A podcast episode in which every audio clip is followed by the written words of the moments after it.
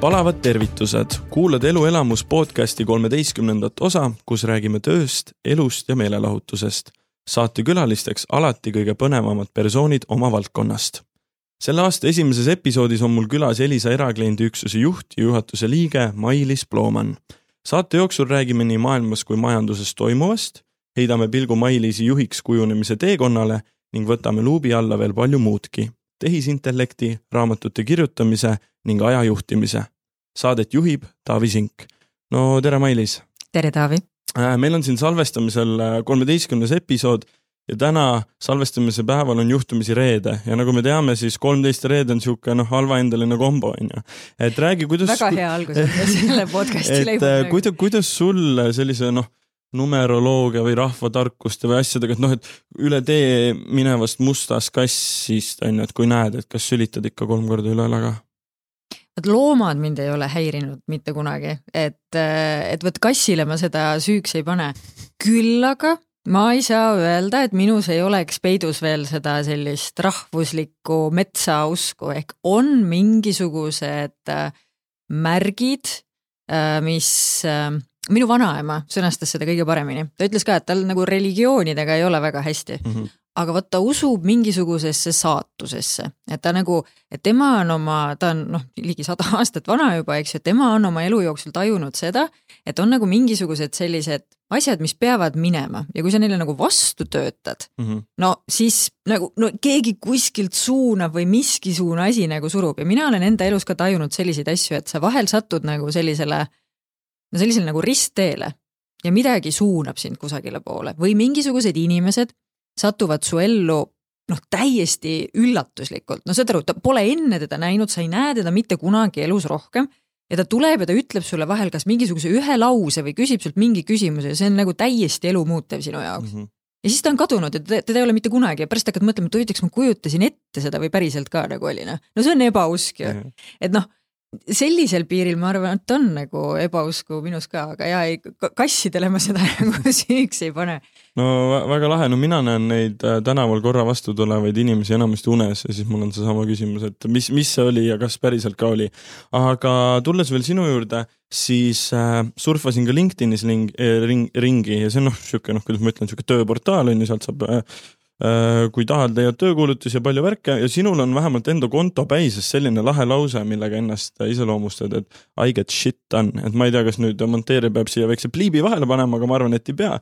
aga minu jaoks selline väga otsekohene ja konkreetne avaldus sellises kanalis, et kas sa oledki nii konkreetne naine? ma arvan, et vastus on nagu jah, aga teine asi on see, et, et kust ta nagu tegelikult pärit on.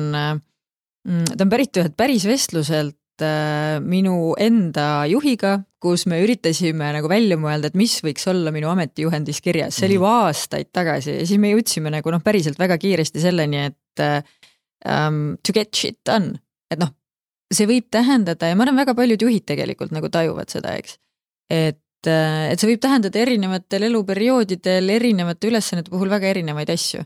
aga sul on tegelikult noh, sul on mingisugune probleem, sul on see probleem vaja ära lahendada ja siis sa mõtled välja, kuidas seda teha. aga no mm. LinkedInis on ta nagu hästi teadlikult äh, sinna sellisena pandud, sellepärast et äh, minuga ei ole mõtet ühendust võtta inimestele, kellele see ei sobi mm. -hmm. ja, ja mul on tunne, et LinkedIn on tohutult hea keskkond ka kontaktivõrgustiku loomiseks ja haldamiseks, aga seal nagu ka väga paljudes teistes kohtades toimub tohutult aja raiskamist ja see on, kuigi ta tundub võib-olla esmapilgul järsk, siis ma arvan, et ta on hästi oluline, et me ei raiskaks üksteise aega. et äh, sa saad nagu ühe pilguga, sa saad aru, kellega sa, kellega sa räägid, sest noh, seesama see sissejuhatus läheb ju edasi veel, eks ju mm. -hmm. et noh, mul ei ole mõtet tulla ja mingisugust nagu suvalist ette kirjutatud lihtsalt mingit reklaami saata, noh, see raiskab sinu aega, see raiskab minu aega, sellest ei tule müüki mm -hmm. igal juhul. kui, kui mina ei huvita sind nii palju, et sa mulle nagu inimesena noh, mingisuguse kasvõi enda tere või pöördumise või et kui sa ei ole viitsinud selgeks teha, kellega sa nagu räägid mm. -hmm. kui see, kui see, kui sind nagu mina nii palju ei huvita, no miks peaks mind huvitama see, mida sinul nagu öelda on? et ta on selles mõttes nagu natukene, see ei ole mõeldud nagu vulgaarsusena või ta ei ole mõeldud ka nagu tähelepanu tõmbamisena, aga ta on mõeldud nagu, et noh, see on see, kust me seda suhet alustame. ma olen avatud, ma olen oodatud mm, -hmm. ma ei ole blokkinud ära mitte kedagi aga need on minu tingimused mm. -hmm. Lähme siit edasi, kui see sulle sobib ja, ja jumala kihvte kontakte ma olen sealt saanud ja väga paljud inimesed on ka Elisesse tööle tulnud läbi sellesama võrgustiku. ma arvan ka see üks, äh, üks lause, neli sõna, see nagu ütleb hästi palju, see annab mingisugused piirjooned natuke inimese just. kohta hästi palju ja see, et ta just seal pildi all, profiilipildi all päises on, et äh, jah, jäi ka mulle kohe silma. aga kuna nüüd meil on uus aastanumber kaks tuhat kakskümmend kolm on ju ja käib täie hooga, siis äh, ikkagi, kuna meil on äh, selle aasta esimene saade, siis ma küsin sult, et andsid sa mõne uusaasta lubaduse ka? ei andnud ei andnud uusaasta lubadusi sellisel kujul, vaat no, sa küsisid numeroloogia kohta mm, -hmm. eks ju, et jaa, vot, vot mis ma pean ütlema, et ega mind, ma ei tähista, noh, ütleme minu jaoks näiteks inimeste sünnipäevad või siis nagu ka aasta vahetumine ei ole midagi, noh, midagi ei muutu. noh, mingisugused numbrid, need numbrid ei ole minu jaoks nagu olulised mm -hmm. numbrid nagu sellise koha pealt, eks. et äh, sellisel kujul äh, mitte, küll aga kuna aastavahetus on selline aeg, kus tempo tuleb korraks maha ma ei tea, kas see on meie valdkonna teema, mulle tundub, et tegelikult üldse väga paljudes ettevõtetes tuleb tempo korra maha. Siis ähm, kasvõi enda tiimiga, mida me teeme aasta alguses, on see, et me ka võtame korra nagu, teeme pausi, me vaatame tagasi eelmisele poolaastale ja me vaatame edasi sellele poolaastale, mis just on alanud, me kutsume seda nagu poolaasta kick-off'iks ja ma arvan, et see on hästi oluline asi, mida teha mm. -hmm. sa noh, pigem küsisid seda praegu, et kas ma endale mm -hmm. nagu mhm. inimesena mingisuguse uusaasta lubaduse olen andnud äh, ei, et ma nagu inimesena sellist asja ei tee, et kui ma ikkagi tajun, et midagi on vaja ära teha, siis noh, me ei oota nagu mingisugust maagilist numbrit, eks ju, või mingisugust, mul ei ole va nagu vabandust vaja. kumbagi pidi ei tohi endale nagu vabandust nagu anda, et noh, trenni lähen, noh uuel aastal lähen, vaata, no ma võin siin kolm kuud veel oodata, eks ju, et noh, uuel aastal lähen, et seda ma ei tee. aga tööalaselt ma arvan, et on jah, sellised aeg-ajalt on vaja võtta see, panna see koma ja võtta paus, vaadata tagasi ja siis natuke kokku leppida, kuidas me edasi läheme väga hästi, aga lähmegi siit äh, ka sujuvalt edasi sellise võib-olla kõige tänase kõige suurema teemaploki juurde ja räägiks natuke maailmas ja majanduses toimuvast, äh, toimuvast, et meil on siin viimase kahe-kolme aasta jooksul olnud e-, erinevaid kriise, et tervisekriise, energiakriise, sõjakriisid, noh, kõik ainu-, ainult kriisid üksteise otsa, et samas hästi niisugune nagu kurb ja masendav aeg, sama, teisalt jällegi hästi nagu põnev aeg et kuidas, kuidas kõik hakkama saavad ja mis nagu, mis, mis järgmine homne päev toob, on ju. ja ma küsikski, et mis nagu, kui sa kiire kokkuvõtte teed, mis viimase kahe aasta jooksul Elisas on toimunud ja, ja mida see on nagu ettevõttele tähendanud ja kuidas me selle kõige keskel oleme hakkama saanud? kas sa nüüd küsid selles lauses meie, sa mõtled meie kui ettevõte ja, või ettevõtte. sa mõtled nagu ühiskonna ettevõttena ja. lihtsalt jah mm -hmm.? hea küll ähm, tead, ma arvan, et need viimased äh, kaks aastat, noh, triviaalne öelda natuke, aga ma arvan, et märksõna on kohanemine olnud ja, ja kohan-, absoluutselt kõikidele ettevõtetele. aga see kohanemine nüüd tähendab erinevatele ettevõtetele ja ka meie ettevõtte sees erinevatele valdkondadele ja valdkondade sees erinevatele osakondadele väga erinevaid asju. osade jaoks, nagu sa ise ütlesid, väga positiivseid, ehk siis see kohanemine on avanud võimaluse teha ära kõiki neid asju mille jaoks varasemalt oli väga palju põhjendusi, miks neid teha ei saa. või miks noh, pole õige aeg või ei ole piisavalt prioriteetne, ei tea, maksab raha ka, eks ju, noh, kõik igasugused automatiseerimised, digitaliseerimised ja muud sellised asjad äh,. on inimesi, kelle jaoks on need olnud tohutult äh, ebameeldivad kohanemised, ükskõik, kas see tähendab seda, et minu töö sisu on muutunud äh,, kas minu töö on täiesti tundmatuseni muutunud no meie valdkonnas päris ära ei ole kadunud sellisel kujul, aga muutunud on küll päris paljude töö. või on äh, muutunud just nagu selles töö sisus mingisugused aspektid, mis mul enne muutusid, ma ei tea, võtame kasvõi nagu kontoris käimise, eks. et ma väga austan seda, et on inimesi, kes tõeliselt nautisid seda, et nad äh, hommikul mingisuguseks kellaks lähevad kusagile, kus ümberringi on inimesed, kes kõik tulevad sinna kokku. ma ei väida, et see oleks kunagi olnud produktiivne viis aga me ei saa alahinnata, oli, oli inimesi, kellele selline maailm väga-väga meeldis just selle noh, inimestevahelise suhtluse mõttes. tuleb tunnistada, et see maailm on ära kadunud meiesuguse ettevõtte puhul eriti ja kõik on pidanud kohanema. on olnud ju inimesi, kes on ka meie ettevõttest lahkunud sellepärast, et me ei läinud tagasi kahe tuhande üheksateistkümnendasse aastasse. ma arvan, ükski ettevõte ei läinud, aga osad kujutavad ette veel, et see on nagu võimalik, eks ju, või noh, kuidagi üritavad seda sinna suruda. Aga selle kõige käigus tead, mis on kõige ise, kõige rohkem nagu tegelikult isegi nagu värvinud kuidagi seda pilti. ma olen nii palju mõelnud, et juhid on viimase, no tegelikult siin juba kolmas aasta läheb, eks ju, aga viimase kahe aasta jooksul nad on pidanud tegelema selliste teemadega, mida no julgelt viimased viisteist aastat enne seda mitte ükski juht ei kujutanud ette, et see tema töölaual võiks olla. no ma, ma toon sulle konkreetse näite. too näiteid, jah. Näiteks kaks tuhat kakskümmend, ma arvan, et see oli, no see pidi suvi olema ilmselt või? aa ei, hakkama, hakkama varasemast pihta, märtsikuust, kui noh, ütleme siis Eestis kogu mm -hmm. pauk käis ära, eks ju, kolmteist märts äh,. ma ei oleks elu sees arvanud, et mina juhina pean tegelema sellega, et minu inimestel on surmahirm. kui sa nüüd tagasi mõtled selle peale, siis esimesed nädalad oli seda teadmatust nii palju, et inimestes oli tõsine surmahirm. ka täiskasvanud inimestes, ei, kõik ei julgenud seda välja öelda, aga, aga see, see käis kõikidest läbi, eks. ja me oleme tagantjärgi mõelnud, et et hea küll, inimesed hakkavad nagu irratsionaalselt käituma, kui neil see surmahirm nagu tekib ja erinevate inimestega noh, tuleb nagu erinevalt tegeleda selle koha peal, eks.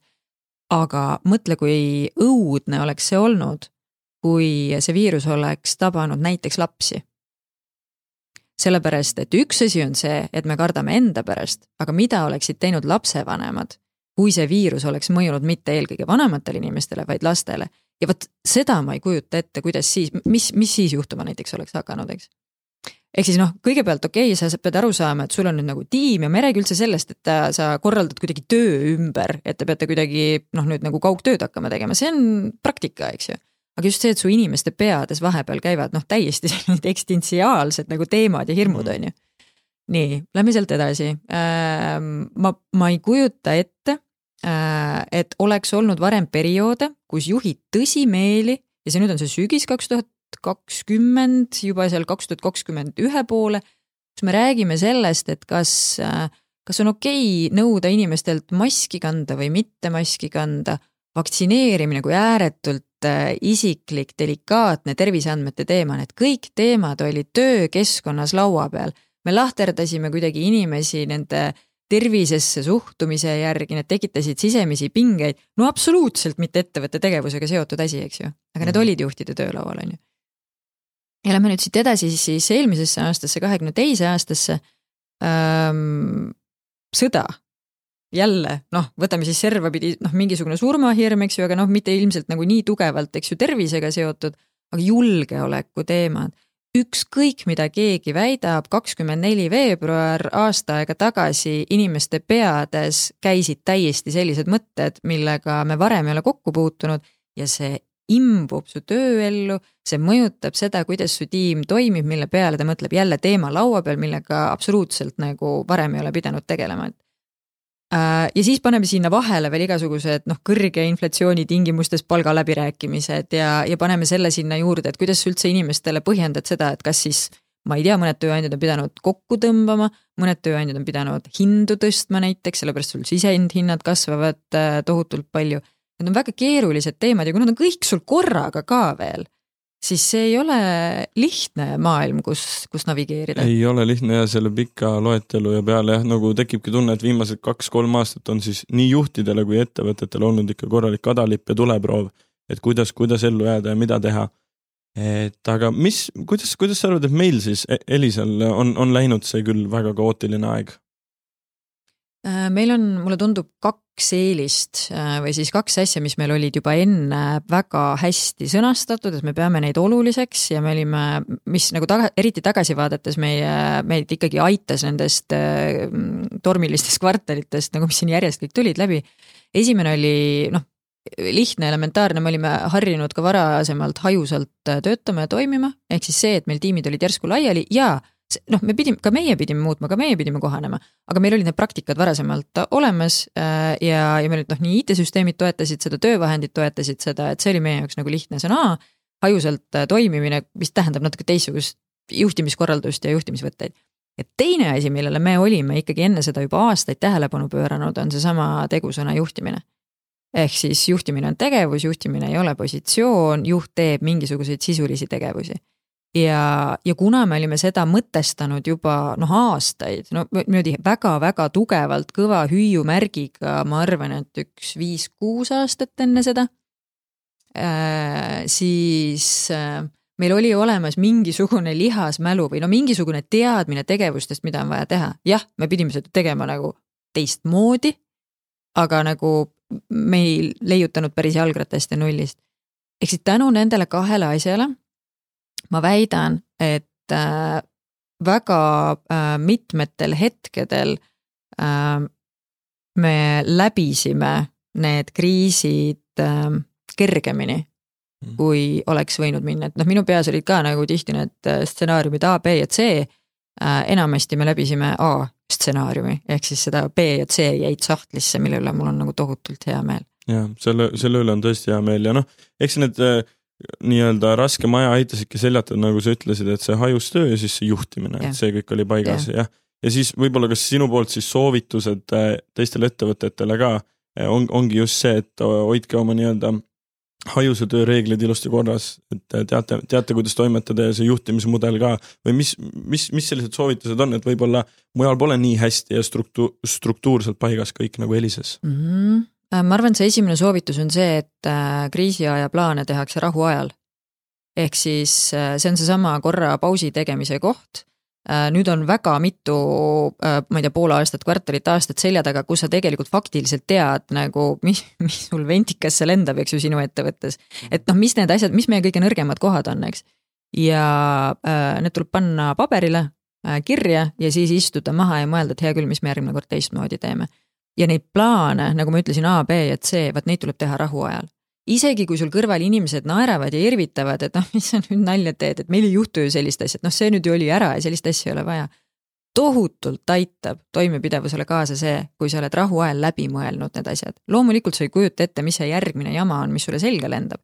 aga kui sul on need noh, B ja C plaan ka olemas, sa oled korra need läbi mõelnud, oma inimestega läbi rääkinud, siis äh, see annab sulle kaheksakümmend protsenti edumaa ja siis sa nagu tegeled selle kahekümne protsendiga, mis siis see, sellel korral on teistmoodi, et kui on mm. üks soovitus, siis on see, et võta, võtke korra aeg maha, vaadake tagasi, äh, mis olid need asjad, mis meie kõige nõrgemad kohad olid, kuidas me järgmine kord teistmoodi käitume, mis läks hästi. et noh, mis olid need asjad, mis meil nagu toimisid ja need tuleb välja hääldada, kirja panna ja veenduda, et kõik ühtemoodi aru saavad. sest et noh, mm. oma peas kujutavad väga paljud inimesed ette, et ah ja ma ju tean seda kõike, me ju kõik seda teame. aga noh, minu peas on need asjad ühtemoodi, sinu peas on teistmoodi, meie kuulajate peades on veel seitseteist tuhat erinevat nagu versiooni sellest loost, et noh, ühtlustame seda lugu. aga kas sinu jaoks võib olla ka kriis selline koht nagu võimaluseks ja potentsiaali näitamiseks, et noh, võib-olla kriis, ta on küll negatiivne asi, aga ta sunnib võib-olla ettevõtet või inimesi nagu uusi vaatenurki avama ja pingutama ja mõtlema uusi lahendusi?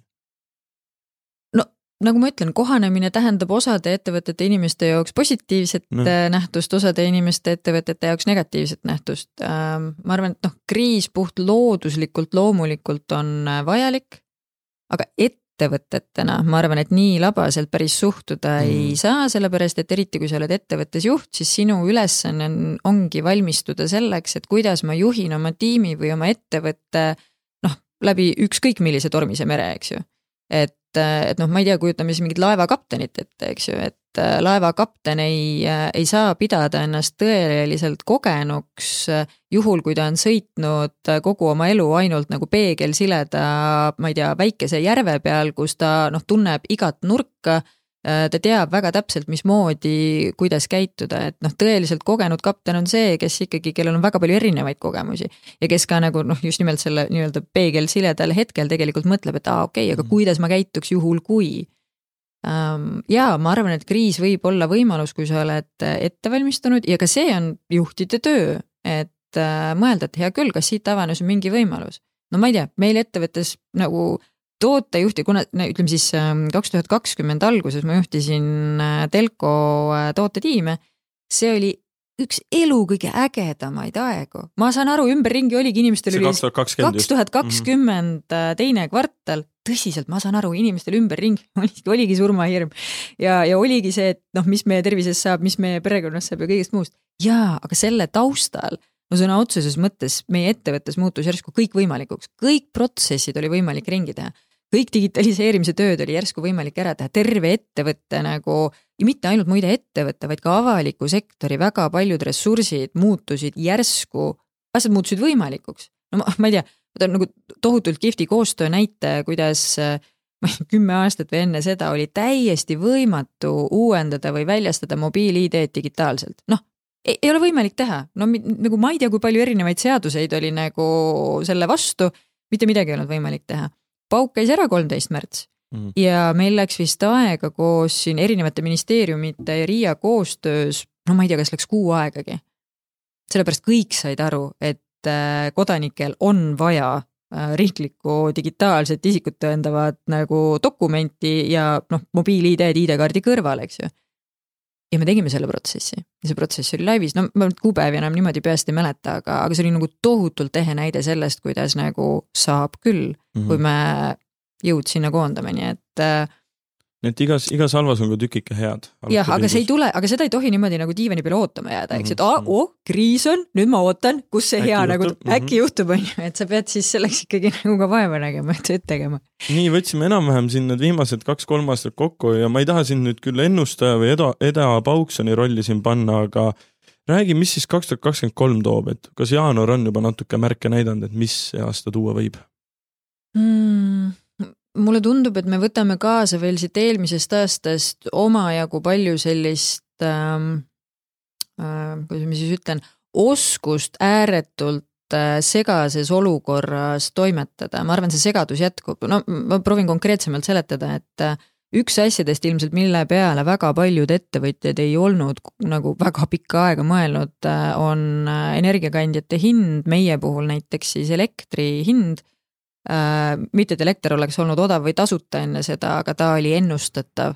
noh, me selles mõttes me tajusime, oskasime nagu enam-vähem nagu ette näha, et mida need, äh, mida elektrihinnad teevad, eelmisel aastal noh, ikkagi kõik purunes kildudeks, eks ju, selle koha pealt ja väga palju oli vaja teha otsuseid uuesti ja uuesti ja uuesti ja uuesti, sest et maailm muutus.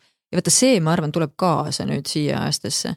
et väliskeskkonnas meie ümber on tegureid, mida me oleme harjunud varasemalt nägema väga pikalt ette aga viimased pool aastat ei ole näinud ja mulle tundub, et see tuleb siia aastasse ka kaasa, et vähemalt nüüd siin esimene poolaasta, ilmselt ka teine poolaasta me teeme väga palju otsuseid väga tihti muutuvas väliskeskkonnas.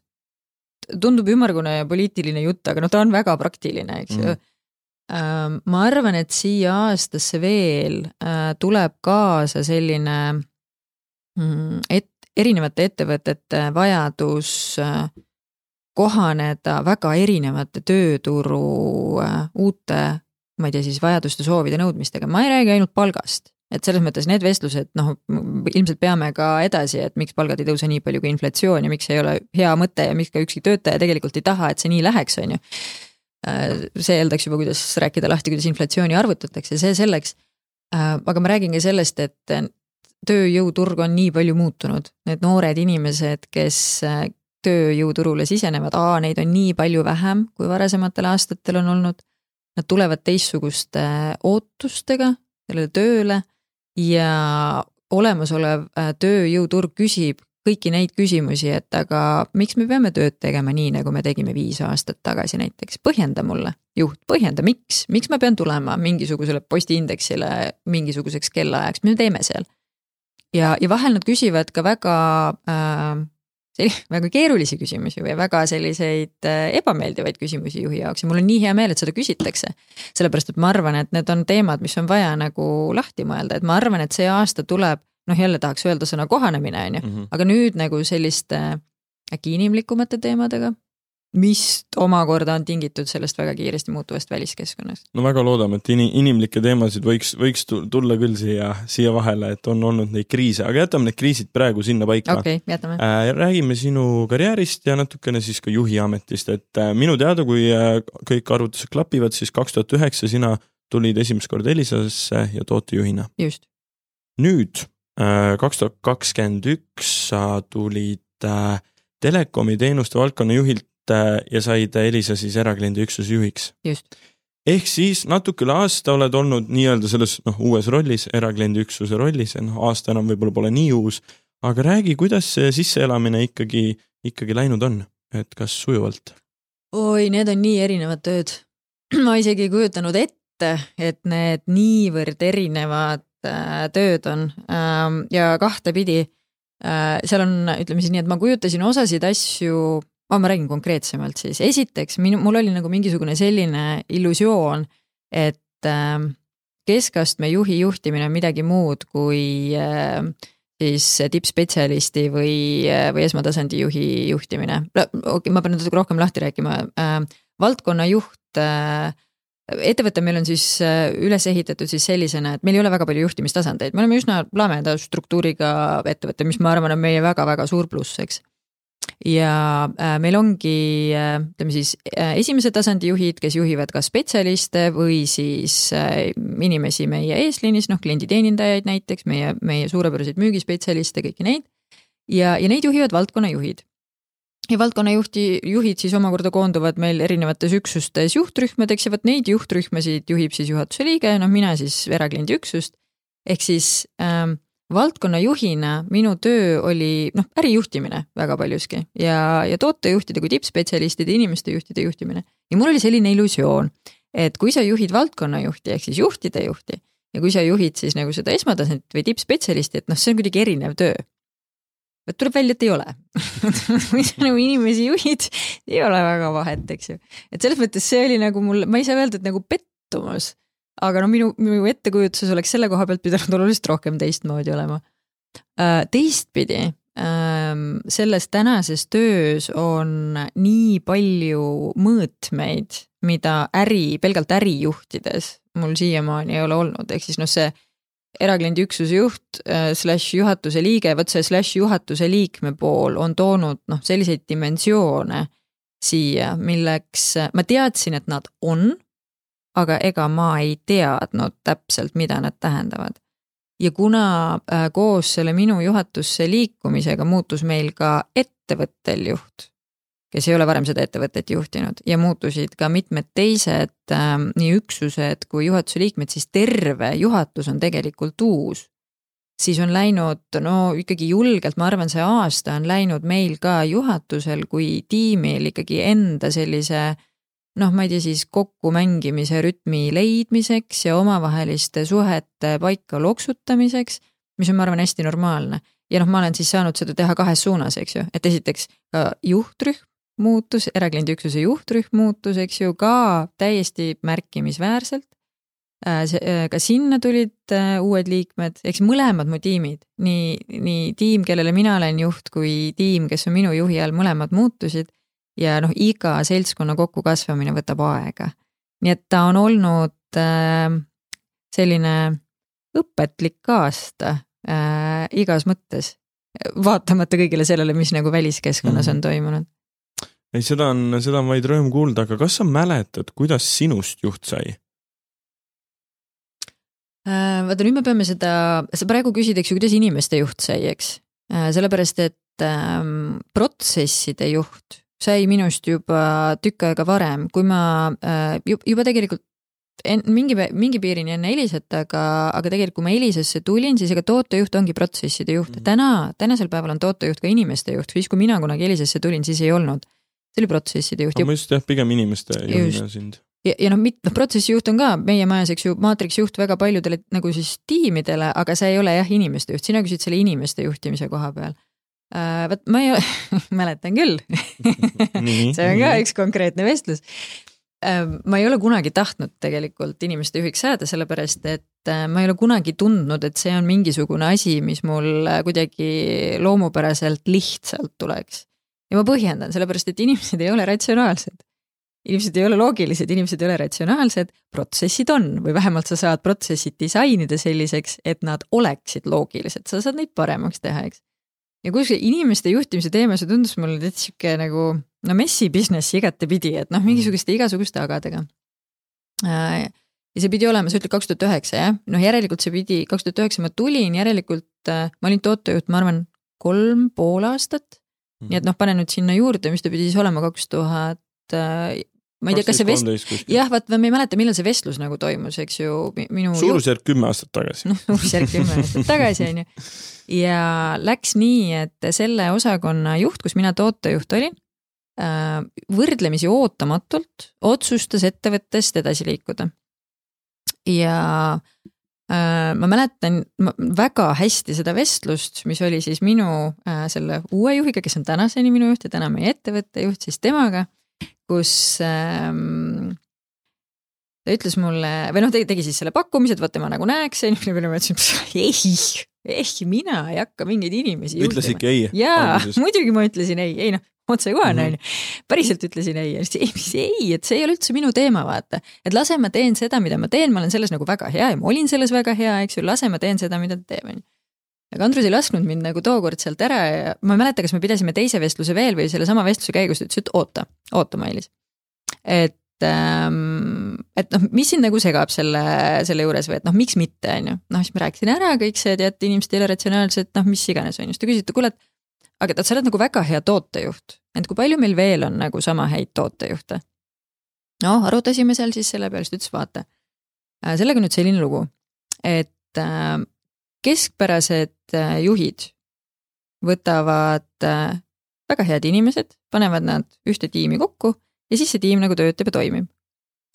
suurepärased juhid võtavad täiesti tavalised inimesed, kelles hetkel justkui ei paista välja mitte mingisugust erilist sära, mitte mingisugust erilist äh, annet. Nad võtavad selle täiesti tavalise inimese ja nad panevad ta saavutama suurepäraseid tulemusi. Tee sellest endale väljakutse mm. -hmm. ja ma mäletan seda nagu tunnet endas ja ma olin nagu noh, loomupäraselt kõigepealt vastu vaidlemas on ju, mis tõmbad kopsud õhku täis. oota, oota, oota siin nüüd oota, miks sa nüüd niimoodi ütlesid praegu? ja noh, ta suutis, noh, see lause pani mind, noh, ma nüüd ei mäleta, kas sütitas see... natuke jah. ja ei no see tekitas mulle ikkagi nagu äh, sellise nagu väljakutse või ta kuidagi suutis mulle kogu selle inimeste juhtimise muuta probleemiks, mis on vaja ära lahendada, eks ju. ja, ja tekitada mingisuguse sellise ratsionaalse komponendi kõige selle juurde ja sealt sai see tegelikult nagu alguse, et siis mm. pärast seda ma ütlesin äh, Andrusele ütlesin jah ja, ja siis läksin sõna otseses mõttes noh, selle nagu omaselt, ma läksin nagu paar sammu tagasi ja siis üritasin endale selgeks teha, et ähm, aga mis see inimeste juhtimine siis nagu on? Äh, noh, A, B ja C, eks ju, ja, ja käisin väga palju mööda maja ringi väga erinevate inimeste juures, keda ma ise pidasin siis nagu heaks inimeste juhiks. Ähm,. sain aru, et ega enamus inimesi tegelikult ei oska lahti mõtestada, mis need asjad on, mida nad teevad, et osadel tuleb nagu see loomupäraselt, kellel paremini, kellel halvemini tihtipeale need, kellel see loomupäraselt välja tuleb, nad tegelikult noh, nüüd tagasi vaadates lihtsalt nagu kasutavadki oma ühte-kahte sellist tööriista, mis neil väga hästi välja tuleb. ja absoluutselt ei võtagi enda tiimi inimesi, kelle puhul need tööriistad näiteks ei toimiks, eks neil on ka väga mm. ühekülgsed tiimid tihtipeale. ja kuna ma pidin enda jaoks seda nii palju lahti mõtestama, siis äh, ja, ja noh, siis päriselus nagu katsetama ja proovima, eks ju, no vot siis aja jooksul hakkas end tekkima mingisugune enda tööriistakast ja, ja enda nägemus ja enda mustrid ja enda õppetunnid ja enda ämbrid kuni, kuni selleni välja, et saada aru, et okei okay,, et see pagan, selle suurepärase tiimi sa paned kokku ainult siis, kui sa nüüd nagu laiendad ka oma seda tööriistakasti mm., eks ju, et muidu sa teed endast selle klaaslae, kui sa väga endaga sarnaseid inimesi ümber hoiad ja, ja no vot nii ta on läinud, see kümme aastat e,. nii, ja ütled, et oli siis hea otsus hakata juhiks?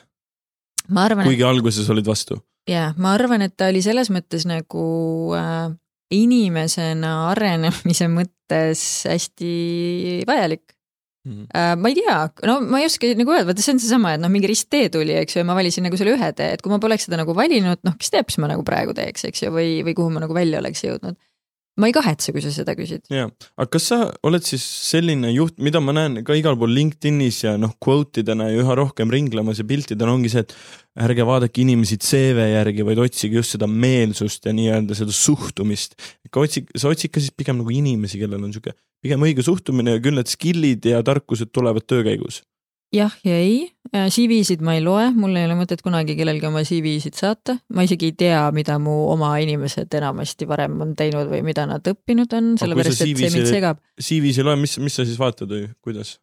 tead, siin on nüüd, vot see ei ole nüüd selline asi, mida keegi saab nagu kuidagi kopeerida ja korrata, vaata ma mm, iga inimese sees on mingisugune asi, mida ta teeb oluliselt paremini kui teised ja äh, mina, ma sain sellest juba tegelikult väga kaua aega tagasi aru, et mul on äh,, mul on kaks, kaks asja ja üks nendest on see, mida juhina lihtsalt on võimalik tohutult hästi ära kasutada. mul on väga vahe, vähe aega vaja näha, või tähendab, mul on väga vähe aega vaja selleks, et näha, mis on sinu, kui sa minuga siin räägid, eks ju, või kui me sinuga suhtleme, mis su tegelik anne on, kus sa tegelikult nagu kõige parem oled. ja ähm, see, see ei ole ratsionaalne, ma ei oska seda nagu põhjendada, miks ma, ja ma väga harva eksin nende kohtade peal ehm,. ja, ja seda ma ei saa õpetada mitte kellelegi. kõhutunne põhimõtteliselt. no mina ei tea, on see kõhutunne või mingi seitsmes mehel või noh, kuidas me teda nagu kutsume, eks ju, et, et näha inimese seest ära see, milles ta tegelikult andekas on ja kus ta tegelikult, kus see tema tegelik nagu potentsiaal nagu peidus on. sel, see aitab mind ja, ja ma ei oska seda nagu kellelegi teisele õpetada, et, et noh, et selles mõttes nagu mul ei ole mõtet ka nagu hüpata siin väga, väga sellega. aga jah, suhtumise osas ma olen nõus, sellepärast, see nüüd on natuke erinevatel erialadel erinev ka, eks ju, et selles mõttes no ei saa päris värvata kohutavalt hea suhtumisega analüütikut, on ju, kes nagu arvutada ei oska, on ju, või protsendiarvutust teha ei oska, on ju. või ma ei tea, arendajat, kes nagu arvutit kardab või koodi ei oska kirjutada, et noh, sinna nagu päris äärmustesse ka minna ei saa aga jah, mineviku kogemus äh, mm, mind väga selles mõttes ei eruta ega huvita kahel põhjusel. sellepärast, et äh, me kunagi ei tea, kas see inimene oma eelmistes äh,, ma ei tea siis projektides, positsioonides, töökohtades oli edukas sellepärast, et tema ümber lihtsalt oli keskkond, mis pani teda kas siis õnnestuma või ebaõnnestuma või oli tema see aut-, tema oli nagu see võti, mis tegelikult oli nende õnnestumiste või ebaõnnestumiste taga, ehk kui sa võtad ta sellest eelmisest keskkonnast välja ja paned ta uude keskkonda, kuhu noh, sa paratamatult ta paned, on ju, siis see mineviku edu või ebaedu ei ole mingi garantii mm. -hmm. et sulle meeldib vaadata inimesi alati puhta et kui nad yeah. tulevad, siis yeah. nii-öelda alustame yeah. otsast. kuigi siin on nüüd üks erand see on nii, see on selline asi, millest noh, ma arvan, et nagu eriti suurte ettevõtete töötajad peavad aru saama. Äh, kui sa tuled majast väljast, siis see täpselt nii on, nagu ma praegu rääkisin, eks ju, sa alustad puhta lehega. kui sa soovid liikuda edasi majas sees, siis see on hülge müla, absoluutselt see ei kehti. miks, sellepärast et sul ei ole mõtet mitte ühegi CV, mitte ühegi asjaga tulla nagu hüppama. seal, et nagu mitte mingi leht ei ole puhas, vaid vastupidi, su tööintervjuu on kogu su eelnev ütleme siis kogemused, kokkupuutepunktid, kogu su eelnev töö. sa ei saa tulla mulle rääkima, ma olen nii kohusetundlik ja ma olen nüüd, ma ei tea, mil, kui pühendunud, eks ju. kuid tegelikult ma ju näen, et nagu sinu taga teiste projektid nagu seisavad või et noh, sa oled nagu klientide mured kusagile ripakile jätnud, eks. et kui sa kandideerid majas sees, siis äh, ei ole olemas sellist asja nagu tööintervjuu, see kõik mhm. on ära olnud juba selleks hetkeks, kui sa otsustad, oh, ma tahaks ka näiteks sinna tööle minna ei no väga põnev, aga ma küsiks, mis, mis sinu jaoks juhtimise juures kõige, kõige olulisem on ähm,? arusaamine, et juhtimine on tegevus. et juhtimine ei ole mingisugune asi, mida paberi peal ähm, kuidagi sulle määratakse mingisugune positsioon, nüüd ma olen kellegi ülemus, eks ju mm. -hmm. see ei anna mitte midagi juhtimine on äh, tegevus ja mis see tähendab, see tähendab seda, et inim-, inim-, tegelikult protsesside juhtimine ka, aga noh, ütleme, sa küsid praegu inimeste juhtimise kohta. Äh, see on hästi süsteemne, hästi läbimõeldud erinevate tegevuste jada.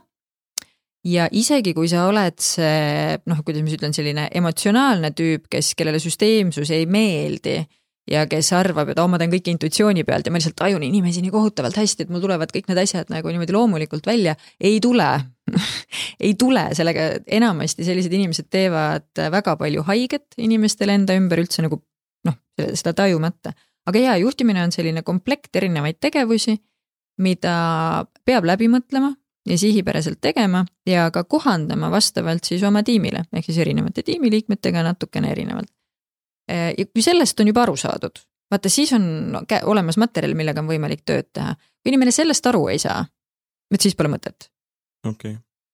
Aga ma küsiks võib-olla ka siin, et noh, inspireerida saab minu arust kahel viisil, et kas oled hea näide või nii-öelda halb näide, on ju.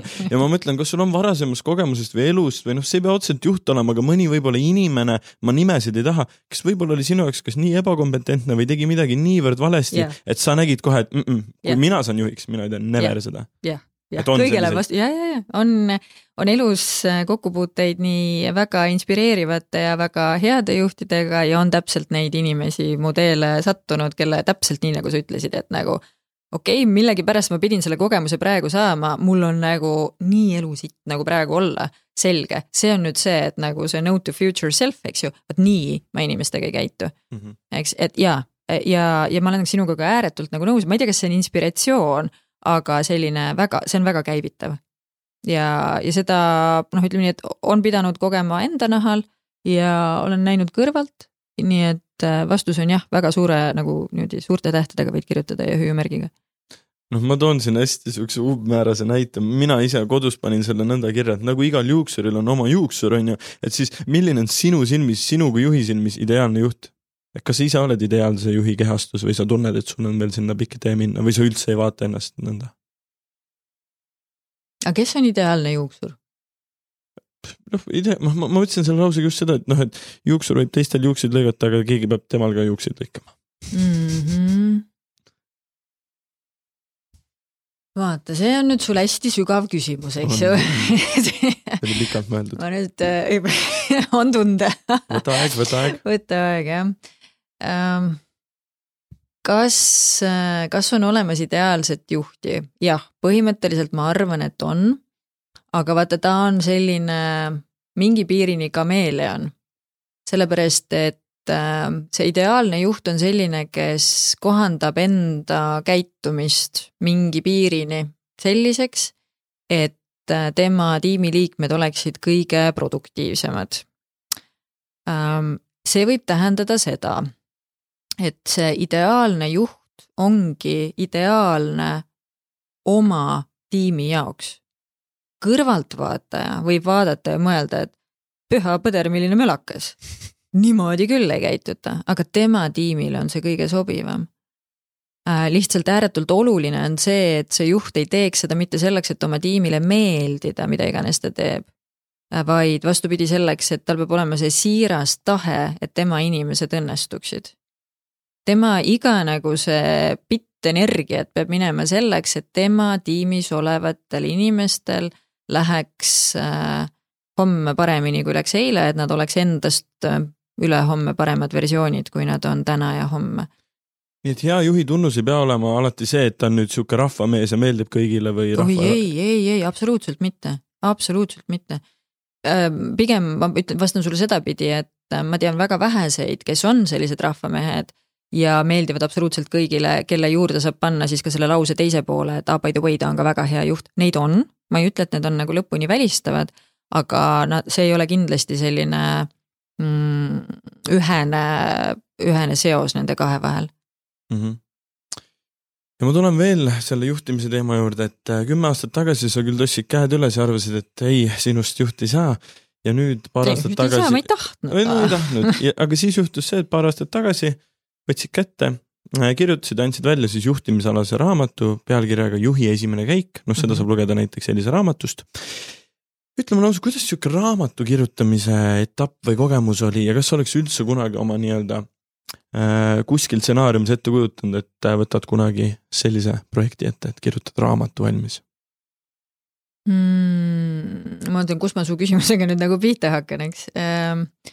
Kas ma tahtsin kirjutada kunagi raamatut, ei, mul ei ole olnud nagu unistust, et kirjutada raamat, aga äh, kirjutamine kui protsess äh, on, on mulle väga sobiv selline i- mõtete süstematiseerimiseks äh,. ma olen kirjutanud enne seda hästi palju artikleid ja need ei ole kirjutatud üldse alati äh, nagu siis selle sooviga, et võimalikult palju inimesi neid loeks, nad on tihtipeale kirjutatud minu enda mõtete korrastamiseks Mm -hmm. Ja ähm, ma olen lihtsalt aja jooksul saanud aru, et kui ma need nii enda seest välja kirjutan, siis sellest on kasu ka teistel.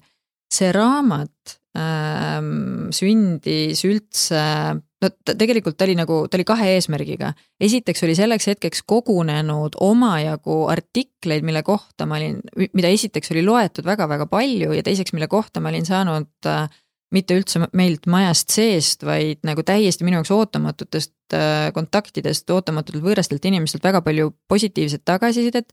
ja ma mõtlen seal mitte lihtsalt, et oi, nii tubli, nii tore, vaid et tead, ma olin sellises keerulises hetkes, ma lugesin seda sinu artiklit, seda oli mul sellel hetkel vaja ja sa aitasid mind, ehk siis seal oli kas mingi, seal ei ole kunagi ju vastuseid küsimustele, aga seal oli küsimusi, mida ma pidin küsima või siis julgustust, et ka teistel on täpselt samad probleemid, eks et kuna neid artikleid oli kogunenud omajagu, siis ma äh, tahtsin lahendada kahte probleemi, esiteks koguda nad kokku mingisuguses loogilises järjekorras ühte kohta, et nad ei kaoks ära. sest et väga paljud asjad on seal sellised, mis ajas ei, ei vanane. Noh, nad on inimeste juhtimisest enamasti nagu räägivad nii, et nad ajas ei vanane. Ja teine oli väga selline äh, isiklik vajadus oli see, et äh, ma tol hetkel juhtisin veel tootejuhte, eks ju, mul oli vaja sellist ühte kogumikku, mida oma uutele juhtidele anda ja öelda, et näed, minu mõttemustrid on nagu sellised. Mm -hmm.. kusjuures ma olen teinud, olen seda teinud väga palju ka näiteks hiljem nii, et ma olen andnud selle, öelnud, et ole, kui inimene kandideerib ja tahab minu tiimi äh, tööle tulla, eks ju, siis ma olen andnud selle äh, raamatu, ütled, näed, minu, minu mõttemustrid on nagu sellised, ole hea, loe läbi, kas sulle sobib. Mm. -hmm. ja, ja on ka inimesi öelnud, et kuule, et ei, see nüüd nagu ei olnud päris nagu väga huvitav, on ju, aga ei ole päris, ei lähe minu mõttemaailmaga kokku. väga hea, on väga hea, et see praegu nagu välja tuli, eks ju ja on ka olnud siis noh, selliseid, kes on lugenud ja öeldud, et jah, okei okay,, minu jaoks on see ka okei okay., nii et seal oli nagu selle kogumiku nagu kokkupanemise mõte oli pigem jah, koguda ühte kohta kokku need asjad, mis olid nagu saanud positiivset tagasisidet, tundub, et olid nagu vajalikud ja teha sihuke abc õpik nagu enda tollel ajal tootejuhtidele. aga ta ei ole valmis, minu kokkulepe seda raamatut tehes oli see, et mina, miks ta on ainult e-raamatuna näiteks, miks ta ei ilmu ja ta ei ilmu mitte kunagi füüsilise raamatuna, okei okay,, ei tohi öelda kunagi, on ju, aga väga kaua aega ei plaani ma nagu üldse mitte midagi teha selleks, et ta ilmuks ka füüsiliselt. on see, et ma ei näe teda nagu sellise klassikalise raamatuna, kus on nagu algus ja lõpp, vaid me leppisime päris alguses kokku, et see on nagu teenus. et mul on võimalik sinna suvalisel ajahetkel panna peatükke vahele no kirjutada neid asju sinna juurde, ma olen seda ka teinud. ja nüüd mul on kogunenud jälle üks mingi viis-kuus erinevat lugu, mis siis sinna vahele nagu sobivad. ehk siis noh. ajas täieneb kogu aeg. jah mm -hmm., ehk ja ta ei ole ka selline raamat, mida sa pead nagu esimesest peatükist viimaseni läbi kunagi lugema, et ta räägib noh, erinevatest nagu hetkedest, sa saadki võtta selle konkreetse peatüki ja siis vaadata, et okei okay nii et selles suhtes on äh, kuulajal lihtne, et see kõik jääbki sinna juhi esimene käik, et ei tule juhi teine, kolmas, viies, kuues käik. no jälle, ära ei ütle, ära iial ütle iial, aga ma ei näe nagu otseselt nagu põhjust, et see peaks nagu tähendama siis noh, mingisugust noh, mingit täiesti teist rakurssi või nagu mingi, mingit täiesti teistsugust nagu vaatenurka, milleks äh, mine tea, noh, võib-olla kunagi tuleb, aga aga hetkel jah, ma pigem näen seda konkreetset, kui et võtame, et see on raamat on kui teenus, ta ei ole nagu toode mm. -hmm ja kuna sa oled meil Elisas ikkagi sihuke tuntud äh, kõneisik, siis lisaks juhiametile sa oled käinud ka mitmeid aastaid äh, telesaates Ajujaht, äh, olnud seal žürii liige ja mentor, et mm -hmm. minu küsimus sulle oleks siin, et mis tarkust sa nagu noorele alustavale ettevõtjale annad?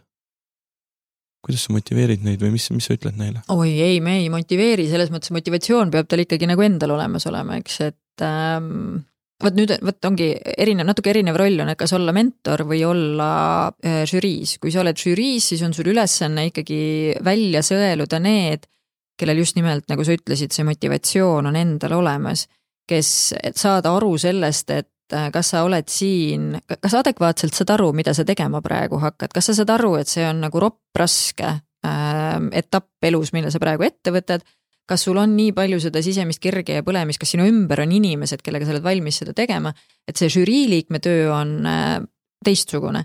mentori töö on, äh, ütleme siis, äh, mentori, mentori roll on pigem ütleme siis aidata enda valdkonna spetsiifiliste teadmistega leida vastuseid kiiremini mingisugustele küsimustele millele iga alustav ettevõtja peaks vastused leidma, no minu puhul enamasti, et kas sa saad aru, mis on turumaht.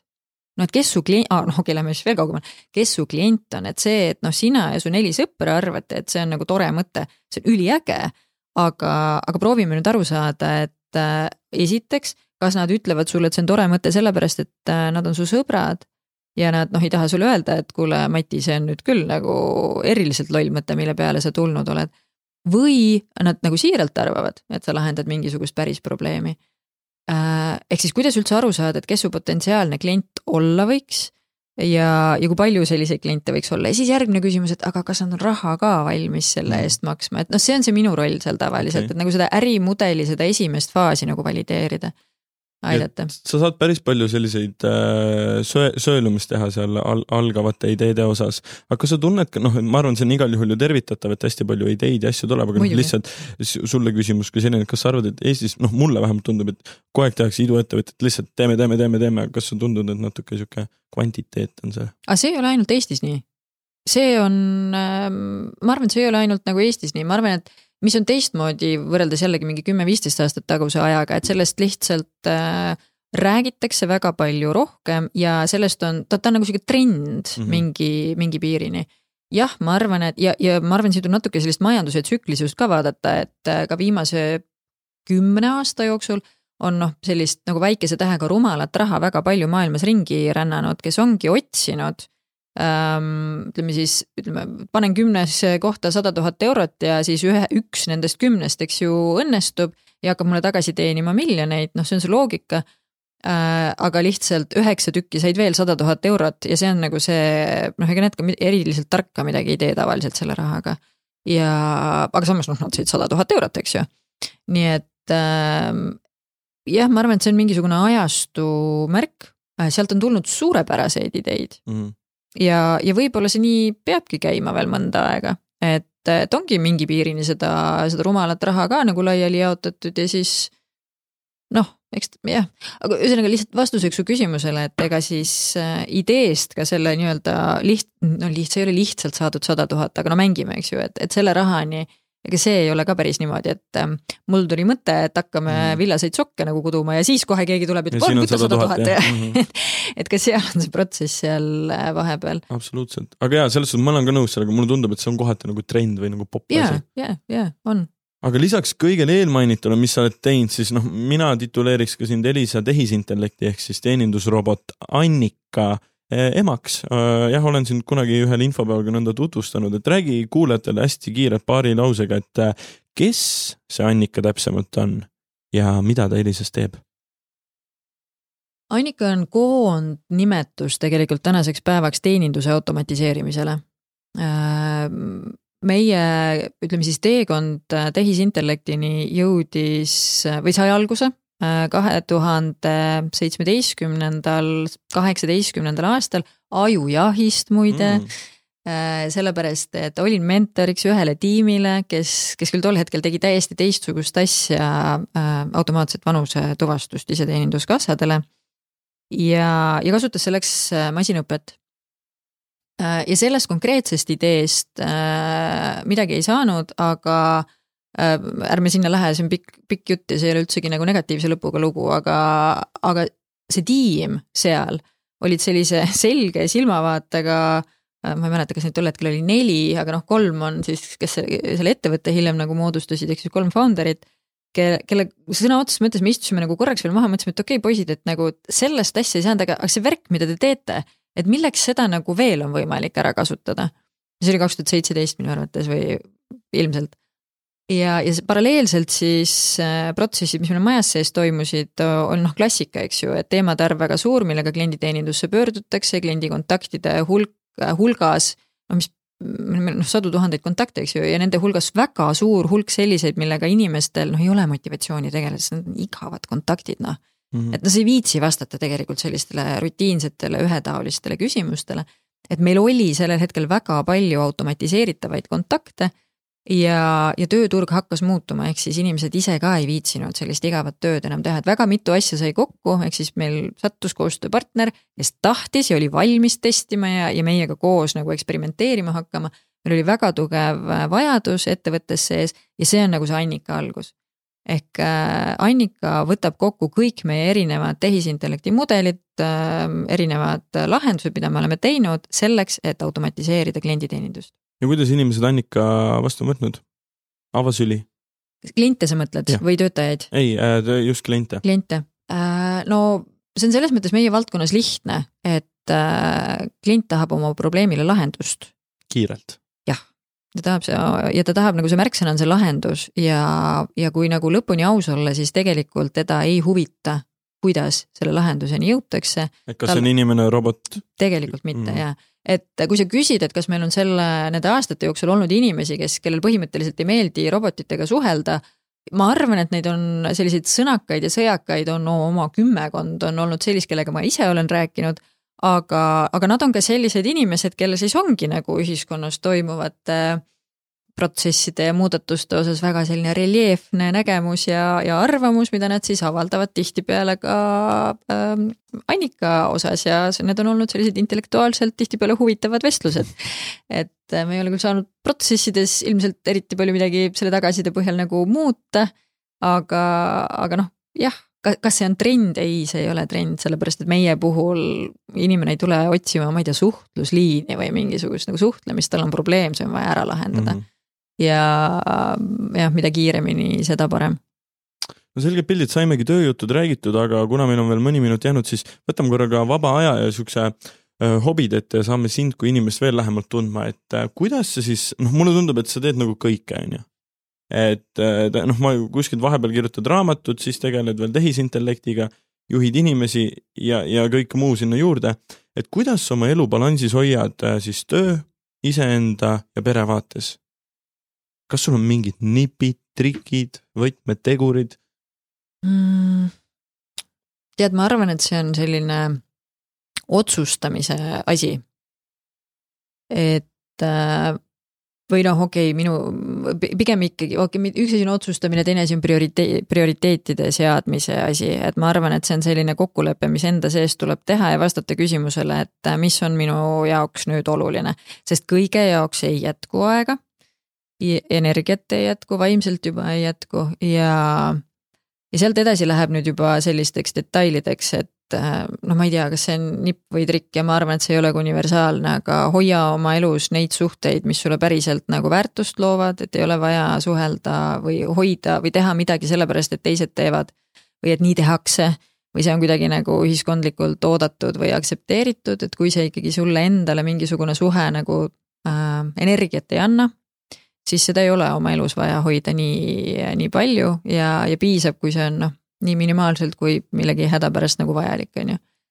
Äh, ma arvan, et see on esimene asi, ehk siis see on niisugune otsuste tegemise koht, eks. Äh, ma arvan, et äh, need asjad, mida ma teen, ma teen neid väga hästi ja, ja ma teen neid ähm, noh, tõesti tihtipeale paremini kui teised, sellepärast et see on olnud minu otsus, et vot neid asju ma teen ja ma lihtsalt ei tee väga paljusid teisi asju no päriselt noh mm., et nagu no see on selline ükskõik ettevõtte, ettevõtte puhul või, või ettevõtlus või spordis või kus iganes, on ju, sa pead kahte asja otsustama, et mis on need asjad, mida ma teen ja sealsamas, aga mis on need asjad, mida ma teadlikult tegemata jätan. See vist on äkki, vot see on äkki universaalne, et seda saavad mm -hmm. küll kõik inimesed teha, eks ju, et kui sa tahad nagu, et sul mingisuguses äh, kohas läheks hästi, on see mingi suhe, mida sa tahad hoida näiteks isiklikult, eks ju on see mingisugune, ma ei tea, mingi hobi, millega sa tahad tõesti tegeleda, on see, on see töö, eks, siis eh, noh, meil kõigil on kakskümmend neli tundi. mõistlik on magada sellest mm -hmm. nagu nii palju, kui sinul endal on nagu vajalik ja siis sul jääb midagi jääb üle ja sinna ei mahu kõik asjad sisse. Ja otsusta, mida, millega sa teadlikult ei tegele, isegi kui see ei ole nagu populaarne otsus mm, -hmm. isegi kui teised. Endast lähtuvalt ikkagi. ma arvan küll jah mm. -hmm ma arvan küll, et endast lähtuvalt ja sest päeva lõpus sina pead olema see, kelle sees on see sisemine rahu. ja päeva lõpus sina pead olema see, kes ütleb, et jah, nii oli nagu, see on okei okay. aga mis sinu päeva sellist sisemist rahu või silma särama paneb, et mis su võib-olla hobi, hobid on äh,? Kui no,, kui, ei... kui tööpäev läbi saab? vot ma iga päev ei saa, eks ju, aga kui sa küsid, mis on see mul, mis mul silma särama paneb, siis minu jaoks on see reisimine. reisimine? jah et äh, kaks tuhat kakskümmend oli sellepärast kohutavalt nagu raske aasta, et äh, mina elasin seda kõige rohkem üle, et mul ei ole olnud võimalik nagu noh, tekitada neid, ma ei tea, pikki nädalavahetusi või, või seda nagu nädalat kusagil eemal. Ja, ja see reisimine ei tähenda, ei pea olema minu puhul üldse kusagile eksootilistesse kohtadesse või kohutavalt kaugele Eestist välja pigem jah, sellepärast et noh, siis kuidagi ma lülitan ennast välja sellel hetkel, kui ma olen seal, istun seal lennukis ja siis stjuardess vehkleb seda, et kus on need varu väljapääsud ja asjad, see on see minu see koht, mm. kus ma nagu uh, pinge on maas, on ju. Pärnus ei pruugi tekkida seda tunnet? ei, väga ei pruugi mm. jah, et siis peab ikkagi nagu natuke rohkem vaeva nägema sellega. Mitte, et mulle Eestis ei meeldiks nagu olla, meeldib küll äh,, aga noh, sa lihtsalt küsisid, mis paneb mm. silma särama, et, et kui vähegi võimalik ja siis äh, ma olen just need pikad nädalavahetused või siis ka nagu mingisugused nädalad kusagil, kusagil eemal. ja, ja ma pean ütlema, et sa küsisid pere kohta ka nagu enne äh,. mul on juba noh, üks laps on nagu nii palju suur ja teine, eks ju, noh, on juba jõudmas sinna faasi, kus äh, äh, need reisid või need nädalad on tegelikult nagu selline päriselt ka ainus koht, kus meil on kõigil neljal üksteise jaoks päriselt aega Mm -hmm. ja, ja see on nagu, ma, minu jaoks on täiesti okei okay,, et me võib-olla nagu sellistel noh, igapäevaselt, no me ilmselt saame kokku, meil on selline õhtusöögi me proovime kõik koos süüa, eks ju, ülejäänud päev on äh, igalühel enda ajakava, toimetused, oma asjad, mida teha. ja vot need reisid, et see, kui sa oled ikkagi nagu päriselt ka ainult neljakesi ja vähemalt need kaks-kolm nädalat nagu läbi aasta, tead, kui palju see juurde annab et, et kui sa küsid, mis paneb silma särama, siis mul on kogu aeg nagu mingid järgmised lennukipiletid või mingi, noh, see ei pea isegi autoga, võib ka minna kusagile, eks ju. ootel. ja kogu aeg on ootel või kusagil nagu jahin mingisugust nagu mingisugust asja, kuhu, kuhu minna, et, et see on see minu teema selle koha pealt. Ei no väga kihvt, äh, mina siinkohal tõmbakski otsad kokku, et meil tuli, ma arvan, sihuke tund, tunniajane saade, et juttu oli palju, rääkisime noh, maailma teemad ära, rääkisime sinu juhtimisalased teemad ära ja rääkisime ka vabast ajast, et ma arvan, siin oli kõigile, kõigile midagi kõrva taha panna. nii et mina sind südamest tänan, et sa täna leidsid aja ja kõik head kuulajad, siis loodan, et ka teile meeldib ja eks siis kohtume juba uuel kuul. tänud kuulamast